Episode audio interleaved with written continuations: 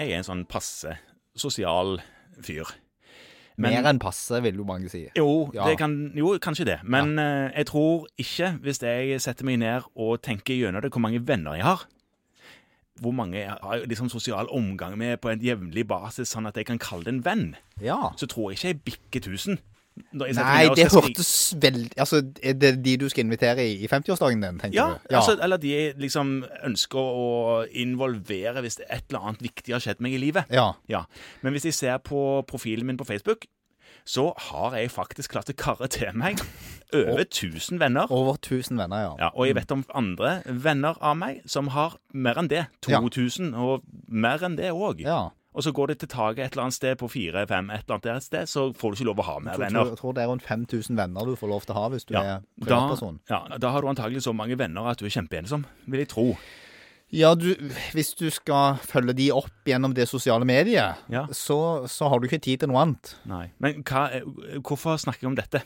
Nei, det tror jeg har med at eh, dette rådet for legeetikk, Ja, som jo består av en fornuftig gjeng egentlig, tror jeg, har vært ute og skrevet noe i tidsskrifter som egentlig ble tolka dit hen at legere må slutte å være venner med nåværende og tidligere pasienter på Facebook. ja, Og så skriver de egentlig en ganske god liste lenger nede, som er en sånn der Vær varsom-plakat for bevegelse i sosiale medier. ja, den er ganske god. Og den tenker jeg egentlig er kjempegod, og det handler om at man skal huske på at man alltid er lege.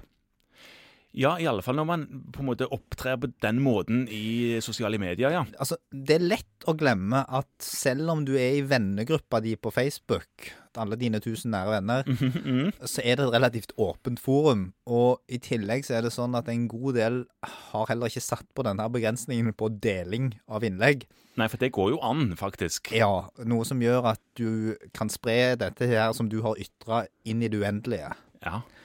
Og det gjelder ikke bare Facebook, det gjelder en del andre sosiale medier. sant? Nå har vi, har vi en hel flom av de, og dette kan du mye bedre enn meg, Morten. Jo, jo. Ja. Eh, men, Jeg har jo én venn på Facebook, jeg, og det er deg. ja. Jo da.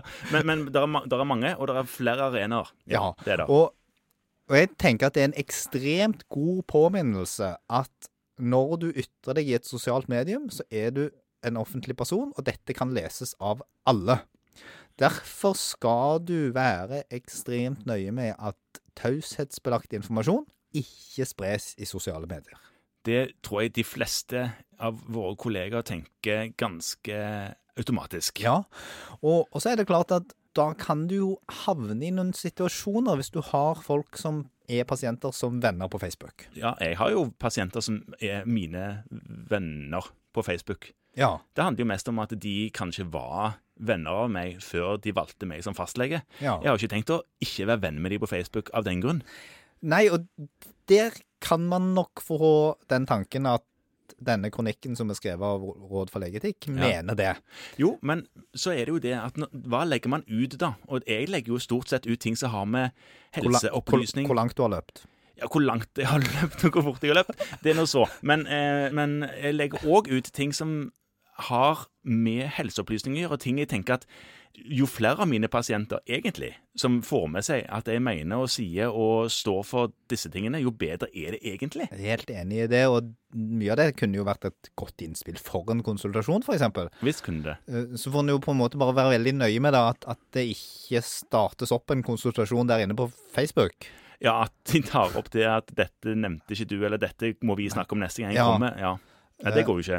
Nei, da er du vel i hvert fall på siden av taushetsplikten. Og, og det, det tenker jeg er ganske viktig, både med Facebook og med Messenger og en del av disse andre usikre kanalene, at man er nøye på det, og det tror jeg. Og så er det jo en god kollega av oss, du sikkert er venn med på Facebook, Ja, en, en kollega inne i fjordene, liksom. ja, som har skrevet en egentlig ganske glitrende kronikk i Dagens Medisin om det å være lege på et lite sted. ja, han sier mye smart der. Ja, Mm. Smart fyr, egentlig. Sånn at vi skal gi Bjarte Sørensen det, at han er en smart fyr. Og det han sier noen ting om, er jo akkurat det vi sitter og snakker om nå. At det å være en sosial figur på en liten plass, det gjør at du får mange kryssende relasjoner på mange områder. Og kanskje er Facebook og, og sosiale medier bare en av de. Men han vil også uh, Altså, de av oss som har vært leger på små plasser, vi vet at du på en måte både trener for et eller annet lokalt arrangement, fotballaget eller barnekoret eller et eller annet sånt. Ja. Du går på foreldremøter, du sitter i FAU på skolen. mhm. Og du må ha en masse hatter hvis du ikke skal være helt isolert fra lokalsamfunnet. ja, du må faktisk det. Ja. Ja.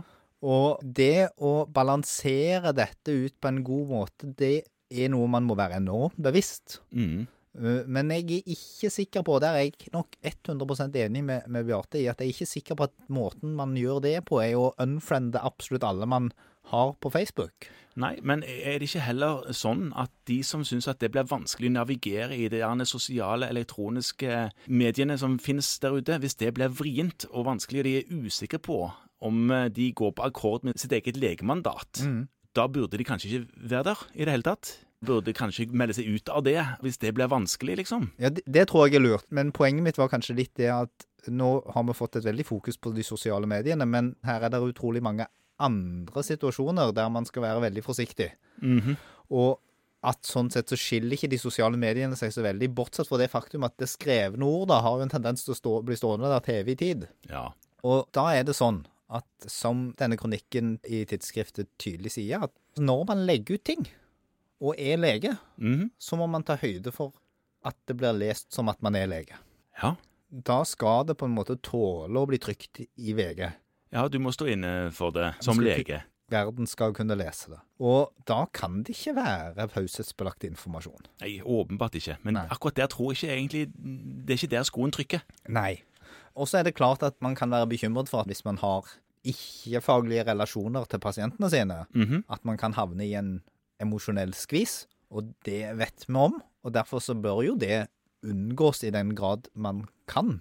Men det er vel ingen tvil om at hvis man legger opp til at man ikke skal kunne ha noen, så forsvinner vel fastlegedekningen i store deler av vårt grisgrendte land.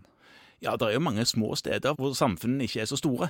Nei, og avstanden til neste fastlege er ganske lang. Ja, det å på en måte ikke kunne leve i det samfunnet du har tenkt å være fastlege i, det vil på en måte bryte veldig med, med muligheten for å ha en fastlege. ja. Og disse tingene her er helt sikkert veldig simplifisert av oss nå i denne lille praten. Sånn at dette er jo ikke noe fasit. Men jeg tror kanskje vi skal oppsummere med avslutningssetningen til Bjarte, som jeg syns er veldig god, der han sier at eh, med mindre Etikkrådet tenker det er uetisk å bo i samme samfunn som en arbeider i, Ja. så må de kanskje modifisere rådene sine noe. ja. Og så er det vrient òg å takke høflig nei til en venneforespørsel på Facebook hvis du ikke er venn på Facebook, som rådet var Ja. Det blir eh, kanskje òg litt skjelkete. Kan det bli.